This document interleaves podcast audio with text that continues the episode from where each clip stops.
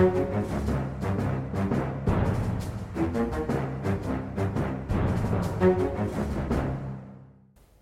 uke, ny Aftenpodden. Velkommen. Jeg er Lars Glomnes, politisk journalist. Med meg så har jeg politisk redaktør Trine Eilertsen. God dag, god dag. God dag. Og så har jeg kulturredaktør Sara Søre. Hallo. Og så har vi gått tilbake til opprinnelsen. Eh, vi startet eh, Aftenpodden for i vår med eh, Trines Sverre på besøk i studio. Nå har vi Julie 2, som eh, underholdes ikke så mye av valgkamp og norsk politikk, men eh, Peppa Gris og Altså, nå eh, er toåringen paralysert i studio med verdens verste TV-program, Daniel Tiger, som er moralismens høyborg på NRK Super. Som jeg har synket så dypt nå at jeg rett og slett bare bruker bruker som barnevakt. Som Nå Ja. gjør jeg hva som helst. Men uh, da er lytterne advart hvis det kommer noen rare, litt sånn pipete lyder i løpet av uh, denne sendinga. Så er det altså Ny toåringen. planleggingsdag i Oslo kommune. Det er det. Yes. Ja. Så er det en annen diskusjon om det burde være lov å ha planleggingsdag i barnehager. Men det, det kan vi ta en annen Det gang. blir neste valgkampsak. Jo, uh, vi i Aftenpodden vi fikk jo også vår første minianmeldelse i DN denne uken. Vi var nevnt som eh, proff podkast med smidige programledere som kunne vært mer dristig. Uh, og denne uken så prøver vi å motbevise alt det. Uh, verken proft, uh, smidig, men muligens dristig. Ja, Jeg beveger meg i hvert fall ut på en, det som føles som en veldig dristig, smal sti akkurat nå. Så jeg syns vi kan tilbakevise den påstanden med en gang. Ja. Vi går inn i de absolutt siste dagene av valgkampen, Trine. Eh, med en Oslo-måling denne uken eh, som bl.a. viser at Fremskrittspartiet fortsatt ligger svært svært langt nede i Oslo. Eh, 6,8% oppslutning. Det er lavere enn det som ble omtalt som et katastrofevalg i 2011. Forklart med eh, Utøya og helt spesielle omstendigheter. Carl I. Hagen har holdt på i Oslo-politikken i fem år. Det har bare gått nedover. Det, det er egentlig litt utrolig. Og, og jeg tror, altså, Carl I. Hagen har jo vil si det meste av æren for å ha bygget opp Fremskrittspartiet til å bli et folkeparti. Eh, som altså var oppe i over 30% på en del målinger for ikke så mange år siden. Eh, og så trekker han seg tilbake, og så eh, blir han lei av å være tilbaketrukket. Og som han sier, savnet meg selv. Eh, og glemte å sjekke om det var mange andre som savnet han. Og trodde nok at han skulle flyte inn i Oslo-politikken. Og så, han, han har jo fortalt at han, han snakka mye med uh, sin kone Eli. Ja. Uh, og hun skal ha sagt du er en avdanka gammel politiker, Carl. Du har bare ikke skjønt det sjøl. Og så kjørte han på likevel. Ja, man skal høre på sin kone. Det tror jeg det er et, en leveregel for de fleste. Men uh, han har bemerkelses, på bemerkelsesverdig vis mista tydeligvis helt følelsen med, med rett og slett folkestemningen, folkestemningen. Som jo har vært hans store hva skal vi si, hans store bedrift som politiker har jo vært å klare å treffe den gang etter gang etter gang.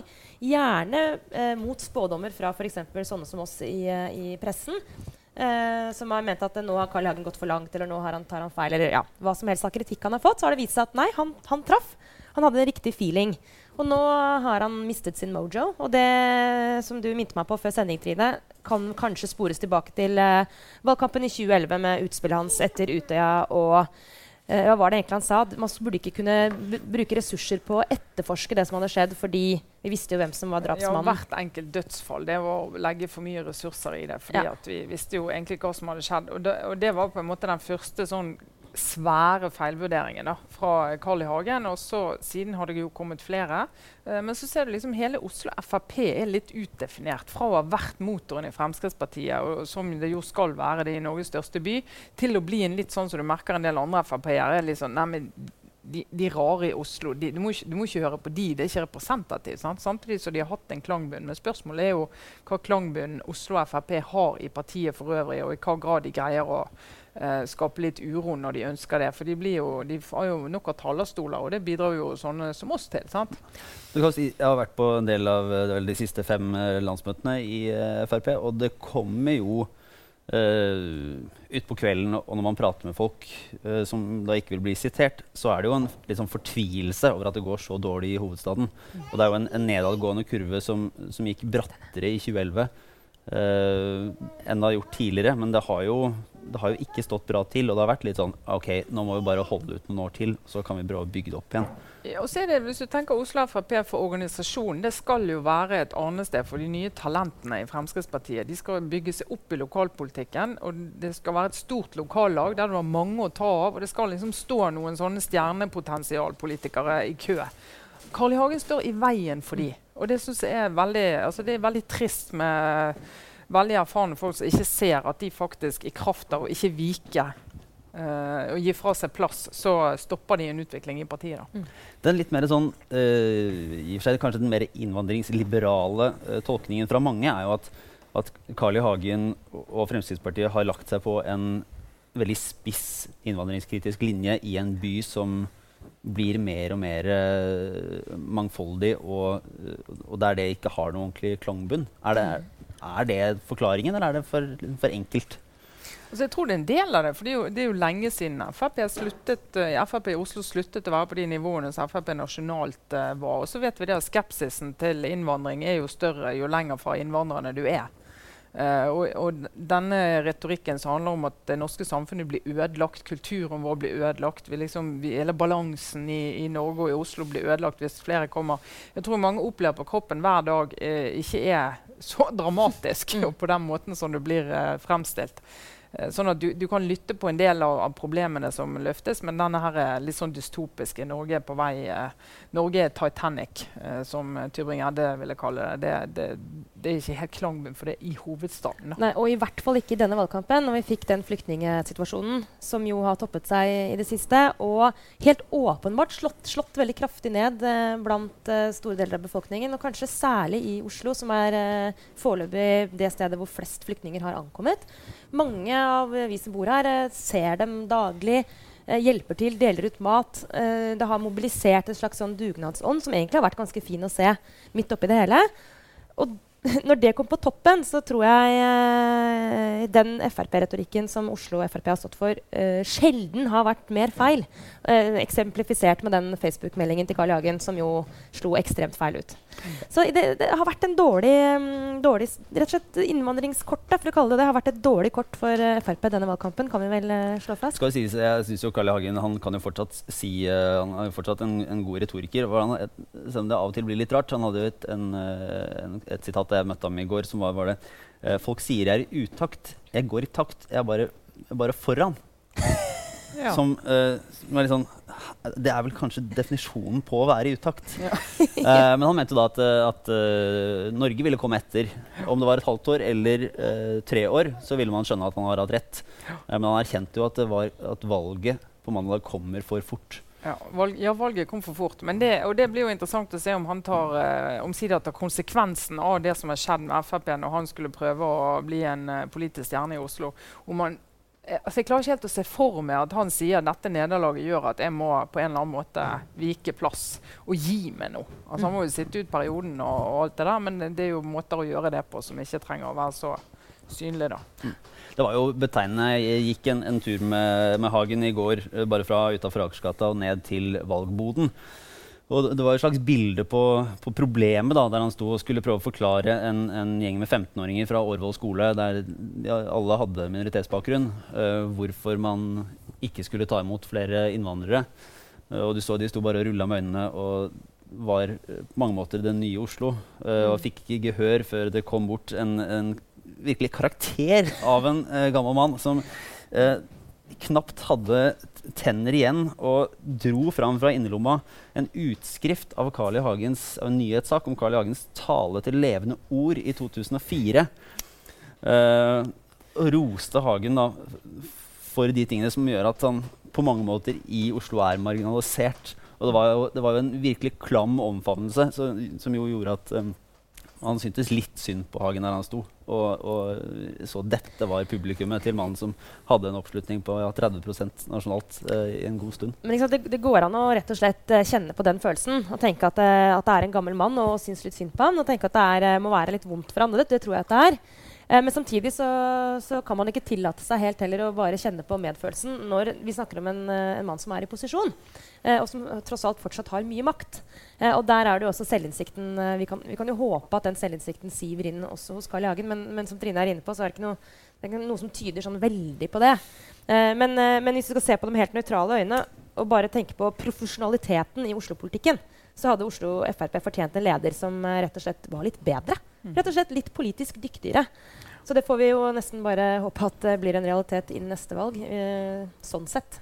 Men det var jo andre ting eh, som er, er spennende på den målingen. Det mest påfallende er at Miljøpartiet De Grønne fortsetter å vokse eh, fram nå til 9,7 oppslutning i hovedstaden. De er soleklart på vippen. Det skal veldig veldig mye til før de ikke kan uh, avgjøre hvem som styrer videre.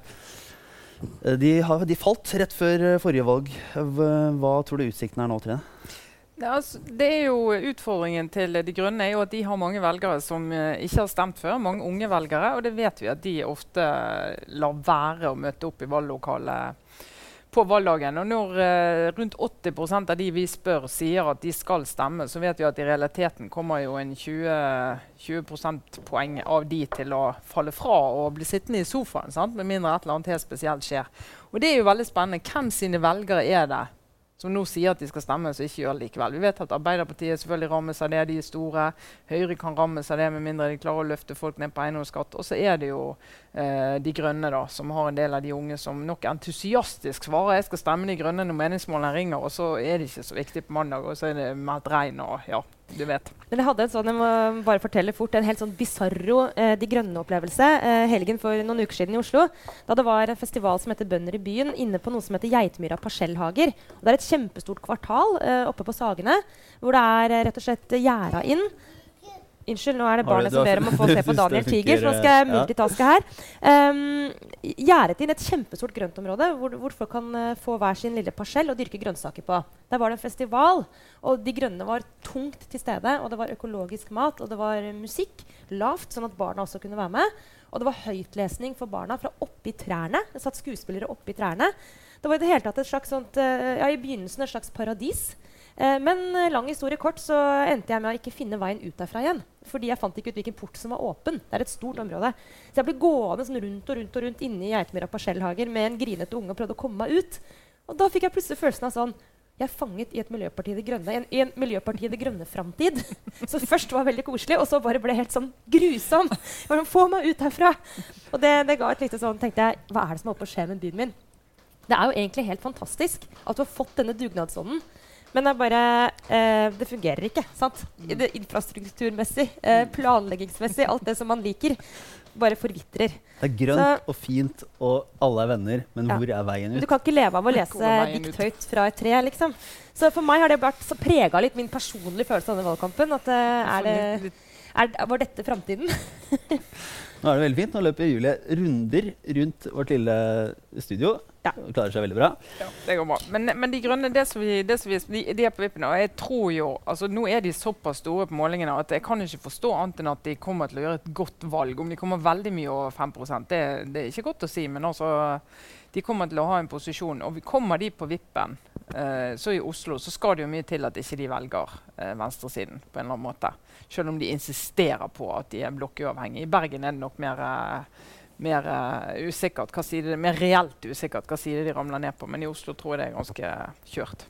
Ja, i, i, Bergen jeg har vært på utflukt siden ja, sist. Du har rett og slett vært Aftenpoddens utsendte til, uh, til Norges mest uh, spennende politiske by. Det altså, dysfunksjonelle lille samfunn. Dette, disse gallerne som holder til i denne lille, lille bygda si, og bare nekter å være en del av storsamfunnet og lever sitt eget liv ukuelig der blant de syv fjell, det er jo et fascinerende fenomen. og for oss oslofolk så er det jo en helt sånn ja, det er en eksotisk reise. Eh, også helt konkret. Det er utrolig vakkert å fly inn til Bergen eh, i strålende sol, som jeg gjorde i, i forgårs.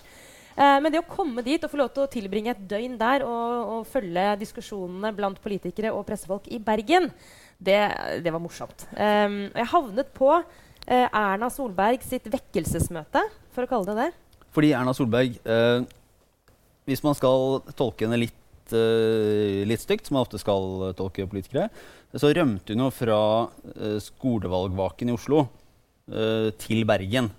For å visstnok gi en peptalk. Uh, muligens også for å slippe å stå og svare for, på spørsmål etter at Høyre gikk tilbake med 12 prosentpoeng i skolevalget. Mm. men vi var der, og du, du fulgte henne gjennom kvelden. Ja, eh, jeg deltok på da, denne, dette møtet mellom Erna og alle som jobber med i Høyre nå. Eh, som alt fra byrådslederen til eh, fotfolket som går og banker på dører og, og deler ut eh, brosjyrer for Høyre på Torgallmenningen. De var samla på en pub. Verste puben jeg har vært på hele mitt liv. Et helt utrolig stygt sted. Men det er en annen eh, sak. De var samla der, og så kom Erna for å holde en peptalk. Og dæven som hun kan peptalke folka sine det må jeg si, det var litt sånn uh, kult egentlig å få være med på. Sånn, bare kjenne litt på den der krafta. Uh, selv om jeg ble stående liksom på utsiden bokstavelig talt også, liksom tittet litt inn i lokalet, så, så uh, kjente jeg jo at det må være morsomt. Fordi greia akkurat nå er at de har jo fått troa. Selv om skolevalget gikk fryktelig dårlig for, Bergen, nei, for Høyre i Bergen, enda dårligere enn på nasjonalt nivå, plan, Eh, så har de nå fått følelsen av at eh, hvis de nå klarer å banke på bare enda en dør, mm. og bare klarer å snakke, snakke, enda en person på Torgallmenningen rundt og få han til å stemme Høyre, så tror de at de kan vinne. Eh, og det er jo basert på annet, skjønte jeg, at eh, mange Høyre i Bergen tror at eh, De Grønne vil havne på borgerlig side. Fordi Høyre har en mer radikal miljøprofil i Bergen enn en nasjonalt. Noe som også er helt pussig. Bergen Høyre er for rushtidsavgift, f.eks. Um, så, så det, var, det, var, litt gøy å kjenne litt på det, selv om uh, man aldri skal være Altså Man skal, være, skal møte en sånn type begeistring rett før valget med en uh, smule skepsis. Så fikk jeg jo litt følelsen av at det, at det, er helt åpent fortsatt i Bergen. Ja, så De har jo de gjerdesitterne da, i, i Norges uh, Siden du kalte det bygd, la meg understreke Norges eneste ordentlige by. uh, der har de jo et antall gjerdesittere som faktisk gjør at får de mobilisert bare halvparten av de, så endrer bildet seg veldig. og det er jo det de skal gjøre når de banker på disse dørene. Blant annet. Det var også for så vidt en uh, interessant kveld sånn rent sånn, å sitte og, og, høre litt på analysen og diskusjonen rundt hva som skjer hvis det blir et uh, borgerlig samarbeid uh, etter valget i Høyre. Og det jeg tror man kan være ganske sikker på, er at Trude Drevland blir nok uansett ikke ordfører. Uh, uansett hvilken blokk som vinner i, i Bergen. Ne, altså når Høyre har hatt både byrådslederen og ordføreren uh, i Bergen, så er det fordi de har vært så mye større enn de andre at de har kunnet tillate seg det. Men, uh, men det kommer jo uansett ikke til å skje nå. Så de er jo nødt til å forhandle bl.a. om ordførerne. Over den mesteparten av tiden Høyre har sittet i byrådet, har de ikke hatt ordføreren. Frp har hatt, og KrF har hatt. og ja. Og så vidt jeg kunne tolke uh, The Late Night Conversation uh, over dette grusomme bordet på denne grusomme puben i Bergen by, så er det KrF som får ordføreren hvis de lander på uh, borgerlig side. Mm. Så diskusjonene og forhandlingene har egentlig begynt allerede, vil jeg tro. Sånn ja. under hånden. Men det er jo alltid litt spennende Sara, når du skal ut i landet. for du er jo en, du, har, du er litt Oslo-sentrert, er det lov å si? ja. Sånn at da du møtte, Hvem var det du møtte? Hvem var det du endte opp med å sitte og prate litt med? Uh, i, altså i Bergen? Ja, Du ble sittende ved siden av en, en fyr som likte å spille trommer. Ja, du, ja, akkurat det var faktisk Takk for at du bringer opp det, Lars. Nei, Det var en veldig sjarmerende og kjekk voksen kar i sånn uh, høyre-merge. Sånn blå sånn høyrejakke. Utrolig stygg for øvrig, men uh, det er vel det. de må vel gå i det, tenkte jeg. Men en kjekk mann som uh, ble stående og henge litt i baren og snakke egentlig mest om trommer. Han var uh, trommeslager og hadde spilt inn en video den dagen hvor han drev og tromma. Og var veldig stolt av det. Så jeg tenkte sånn Jøss, trommeslager? Ja, i Filharmonien, liksom? Eller? Men så sa han nei. Kulturredaktøren i Aftenposten. Du spiller trommer, jo, Han så så utrolig streit ut.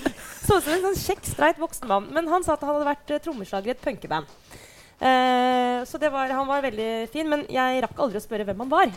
Heldigvis.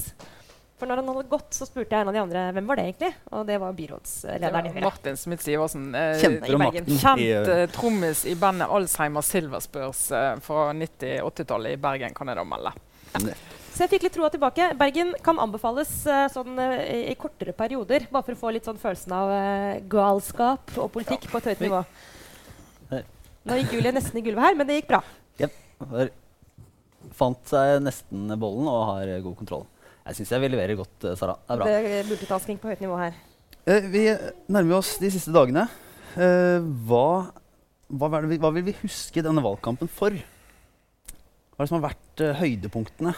Altså, Både politisk og, og moromessig. Ja, Hvis du skal begynne med det, med det gøye, da, for det er jo viktig. Uh, må begynne med det gøye, Og ikke nødvendigvis vesentlighetskriterier. Det er vi også enige om. Uh, så må vi si det at dette var valgkampen virkelig alle har fått tilgang på videoer og virkemidler som gjør at de kan få ut budskapet sitt ordentlig via sosiale medier. Og det gjør de, og til gagns.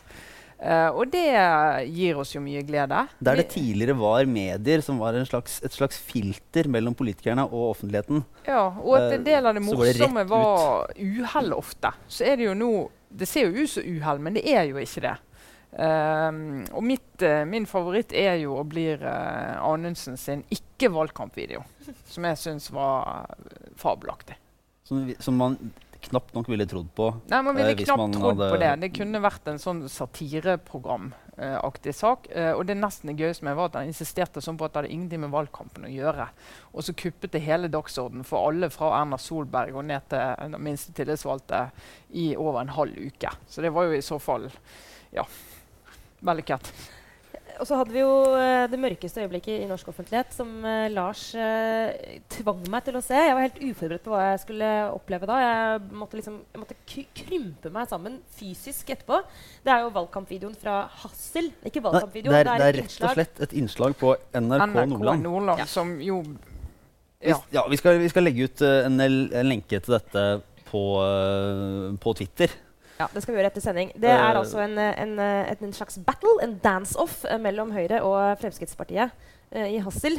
Hvor de utfordrer lokale tillitsvalgte til å rappe mot hverandre. Det var nok det verste. Det. Ja, Og det er litt sånn, hvis du klarer å se gjennom hele, så mangler du en slags følelsesmessig dybde og empati. For det er virkelig uh, det er ganske groteskt. Det Eh, var men det det er et høydepunkt. Ja, det er faktisk, jeg mener at det er enda verre enn uh, han Samfunnspartikandidaten som uh, helte hønsemøkk i eh, postkassa til Brønnøysunds Avis. Jeg mener, det er mer greit Det er jo en enn å mann med stille en opp til plan, dance-off. tenker jeg. Ja. ja. Men tross alt anarkist. statement, da. Ja. Men det har vært eh, mange, på mange måter en morsom valgkamp også. Eh, fordi det har, eh, har jo vært litt sånn at det er de nasjonale Nei, unnskyld, nettopp ikke. Altså det er de lokale sakene som sannsynligvis kommer til å avgjøre. Bortsett fra flyktningkrisen og til en viss grad eiendomsskatten i Oslo, så er det liksom ikke én sak som har fått dominere den nasjonale debatten. Det gjør det også vanskeligere å spå hva som blir utfallet rundt omkring. Eh, og det er vanskelig å spå hvem som blir valgvinneren pga. det, men det gjør det jo litt sånn gøyalt. Det er litt sånn følelse av lokaldemokratiet i full blomst. Eh, men selv om valgkampen, eh, når vi først er inne på det nasjonale, eh, ble mer prega enn jeg hadde trodd av eh, starten. Altså denne debatten mellom Erna Solberg og Jonas Gahr Støre. Som ikke ble sendt på en ordentlig TV-kanal engang, men på, på nettet. Eh, som var den første partilederdebatten nå, og hvor jo Jonas tryna. Mm. Og han kom seg i grunnen aldri. Nå er det, ja, se her! Nå er det kun få dager igjen, og han har, kan kan vel nesten konkludere nå, ikke klart å skru på lyset igjen. Stjerna Jonas er eller falmet? Ja, falmet litt, og så er det partilederdebatt i kveld og i morgen. da. Eh, og, det, og Pga. den dårlige starten så er det en av de tingene mange ser etter. Hvordan klarer han seg? Og det er ikke nødvendigvis et godt, uh, godt utgangspunkt uh, for å gå i den type A-lagsdebatter som han skal i uh, i morgen og i dag. Jeg syns han likevel har hatt et av de store øyeblikkene i valgkampen. fordi han jo har vært ivrig på Instagram. Og der er det, det er et eh, rett og slett et bilde som, som virkelig henger ved. Og det er av Jonas Gahr Støre som står på en bensinstasjon og viser fram en sånn baconpølse. Og så sier han, det, skriver det er ingenting som en baconpølse etter en lang dag med valgkamp. Som er bare sånn Hæ? Jeg, jeg tror ikke på det i det hele tatt. Det er litt sånn, hvis du skal framstå i sosiale medier som litt folkelig og litt nær menneskene, så gjør noe som er, som er litt folkelig, eller som er litt sånn i nærheten, i, den- i nærheten av ytterkanten av din offentlige personlighet. Ikke ta sånn kjempesprang ut til noe helt annet. Alle hadde tilgitt han om han sto med litt takeaway-sushi. Det mener jeg. Ja, ikke sant? Eller ja, jeg skal på kino og slappe av etter en Ja, lang ja, dag. eller noe sånt. Men altså Sånn- hele, hele poenget med Støre som utenriksminister, eh, noe av nøkkelen til hans suksess, var jo at vi kunne se opp til han. Eh, at vi kunne sole oss litt i glansen. At vi hadde en sånn eliteutdannet, fransktalende, kjekk, velformulert kar som representerte oss. Eh, jeg tror faktisk at det fortsatt kunne fungert uh, som partileder i Arbeiderpartiet til en viss grad. Han må ikke prøve liksom å senke seg ned til vårt nivå. Han må ikke stå på Statoil og stappe i seg pølse. Det, jeg vil ikke ha sånne forbilder. Jeg Ikke ja. Jeg liker ikke pølse. Nei. Nei. Men det minner meg om faktisk eh, Cameron Dramatisk. det er useriøst. Det syns jeg er useriøst. Ærlig talt. Jeg, Det jeg liker ikke pølse. Jeg synes det ingenting, ingen kan argumentere Nei. mot at baconpølse er godt. Nei. Det er bare at det er, ikke, det er ikke Jonas Gahr Støre. Jeg, ble, jeg vet ikke om det ble bedre eller verre av at han eh, på Politisk kvarter hevda å drikke en liter melk om dagen. Det gjorde det enda verre. Det er liksom, hva slags matvaner har den mannen? Jeg blir litt sånn småkvalm bare av å tenke på det. En liter melk og to baconpølser. Det er det som driver han. Men det minner meg om et bilde av uh, britenes eh, David Cameron i første valgkampen da han var leder av eh, toryene. Da tok, ble han tatt bilde av på en uh, pub hvor han skal sitte og drikke en pint uh, sånn folkelig sammen med noen sånne lokale lads. Det er også ja, det er, det er den britiske ekvivalenten. Det er det minst avslappa og minst naturlige mennesket jeg tror jeg har sett noensinne. Så uh, Vi kan jo lage en liten sånn spesial på et tidspunkt med politikere ute av sitt naturlige habitat. Det er ganske mye å ta av. Og så er det jo ofte er en slags regel for politikere at de ikke vil bli tatt bilde av mens de spiser. Mm. Det når man er ute og reiser med politikere, og, og det, så sier de ofte det. Det er helt forståelig. Altså, vi som sitter i studio, kan jo ta en titt på min datter borti hjørnet som sitter og stapper i seg en rosinbolle akkurat nå. Eh, det, er et, eh, det, er ikke det mest elegante man kan se for seg. Og det gjelder i grunnen voksne mennesker også. Det er en god leveregel. Men eh, til eh, noe som er litt eh, spennende, og sikkert kommer til å bli litt kontroversielt. For på eh, lørdag, antar jeg, så skal Aftenposten gjøre noe man ikke har gjort på veldig lenge. Mm. Nemlig komme med en anbefaling om hvilket parti, eller hvem, hvilken konsentrasjon, jeg vet ikke helt hvor detaljert dette vil være, uh, man bør stemme i hovedstaden. Ja, altså Vi er litt sånn opptatt av å ikke kalle det en anbefaling. Da, for jeg synes det er litt arrogant hvis eh, en avis skal si dere bør stemme. Men det vi kommer til å gjøre, det er å dra opp noen av de viktigste utfordringene til Oslo. Uh, og så kommer vi til å argumentere for uh, hvem vi mener best kan uh, svare på de. og nå er jeg bevisst uklar på hvor vi havner, ehm, for dette er en teaser. det jeg kan si er at Vi har jobbet med lederen i denne uken. her. I dag var sjefredaktøren på morgenmøtet vårt i kommentargruppen, og vi diskuterte en del momenter vi skal ha med. Uh, og hvordan vi skal argumentere for, for, det synet vi har. Uh, Vi har ikke gjort det på mange år. og Det har nok med at Aftenposten kom fra en, en historie hvor de var veldig tett bundet til Høyre. altså Mange aviser var jo veldig tett bundet til forskjellige partier. og Da hadde vi alle noen år der vi trengte å løsrive oss fra det og ikke bli tolket inn i, i partipressehistorikken vår. Uh, så begynte jo en god del, Særlig 2005-valget begynte jo en god del, da jobbet jeg i Bergens Tidende. Uh, vi og flere andre tok da stilling uh, til det, det rød-grønne alternativet. Uh, og har fortsatt med det. Aftenposten har ikke gjort det ennå, kommer til å gjøre det nå. og Begrunnelsen for det er at vi mener om politikk og politiske saker nesten ja, om ikke annenhver dag, så i hvert fall flere ganger i uken. Så hvis du leser nøye, så ser du jo noenlunde hvor vi ligger. Uh, og da syns jeg det er nesten på grensen til unaturlig å ikke kommentere den viktigste politiske hendelsen i året og si hvor, uh, hvor, vi er på meningsplass med det. Så, så lenge du har en lederartikkel, så lenge vi har en, en mening på vegne av, uh, av huset og den redaksjonelle linjen, så er det naturlig å mene om det. sånn som jeg ser det. så det kommer vi med på lørdag, ikke på valgdagen. men på lørdag. og så er jeg spent på reaksjonene. De er helt sikkert sterke. Men hvordan har du uh, eh, jobba med det, Trine? Altså, hvor lang tid har du brukt på For det første, En ting er jo avgjørelsen om å i det hele tatt komme med en sånn Dette, dette mener vi er det riktige. Ja. Men, uh, men nå i tillegg da bestemme deg for akkurat hva det er du skal lande på. Det gjør du ikke helt alene, men du har jo hovedansvaret for det. Ja, jeg har hovedansvaret for det, men det, det skjer ikke i et vakuum. Uh, og det skjer med hele gruppen involvert, kommentargruppen og selvfølgelig sjefredaktør. For jeg vet jo det at jeg kommer til å få reaksjoner på den lederen, men det gjør jo også Espen Egil Hansen. Eh, sånn at han må være komfortabel med eh, hvorfor vi legger oss der vi legger oss, og, og, argumentene for det. Og egentlig kjenne det like godt som jeg gjør. da. Men en, en, uh, bare for å snakke for meg selv, da, så, så, så, kan du forklare litt. For vi som jobber med politikk på nyhetsplass, er jo ikke underlagt uh, meningene til avisa. Nei. Så vi jobber jo fritt. Ja. Uh, og på kryss og tvers av det avisa på lederplass ville måtte mene. Men det er jo ikke bare, ikke bare redaktørene som vil bli møtt med dette. Også jeg og vi som dekker politikk til daglig, vil jo bli møtt med at ja, ja, men Aftenposten, dere mente jo mm. Dere ville jo ha det sånn. Mm. Um, hva tenker du om den kritikken? Ja, og, og Den gjelder egentlig gjennom hele året. Uh, altså Aftenposten gikk jo inn for uh, søndagsåpne butikker eksempel, uh, i vinter. Og vi har gått inn for de endringene av arbeidsmiljøloven som regjeringen har, har foreslått. Uh, som jo er veldig kontroversielle saker. Uh, men hvis du skal ha en, en, leder hvis du skal ha meninger, så, så, må vi på en måte leve med at, uh, at, vi får kritikk for det. Og de andre som jobber i huset, må på en måte bare trene seg i og, og trene, vi må trene publikum i at det er forskjell på nyhetsplass og meningsplass. Og det er jo veldig viktig i et mediehus at altså, min linje går ikke ned til nyhetsavdelingen på politikk.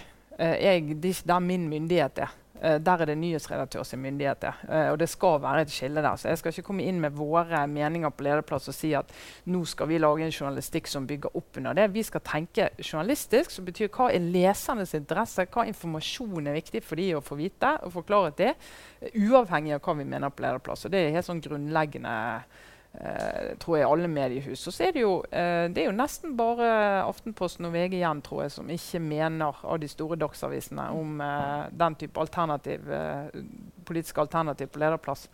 Eh, Dagbladet har gjort det, Dagsavisen gjør det selvfølgelig, Klassekampen åpenbart, Dagens Næringsliv gjør det.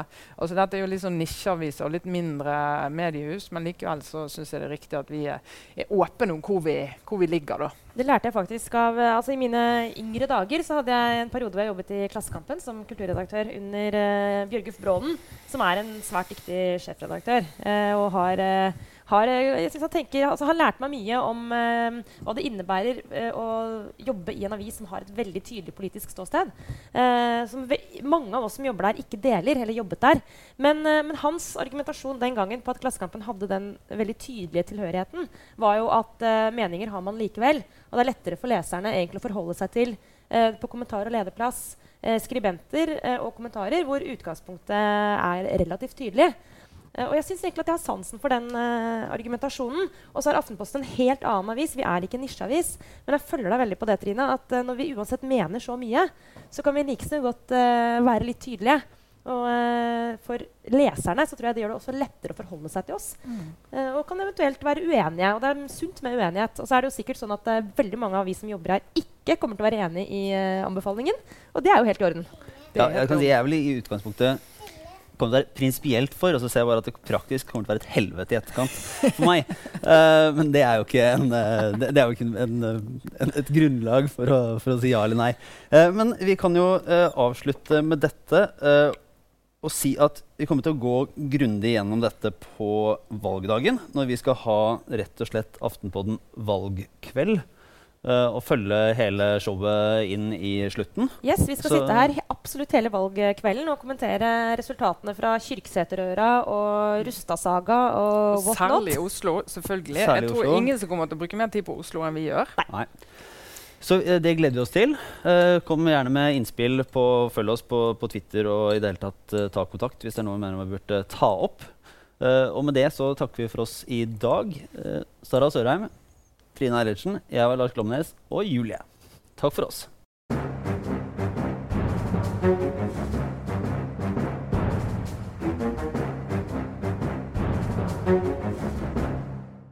Ja, og så kan vi ta med en liten ekstra beskjed. Hvis du hørte på podkasten denne uken i iTunes, så kan du jo også gå inn og abonnere.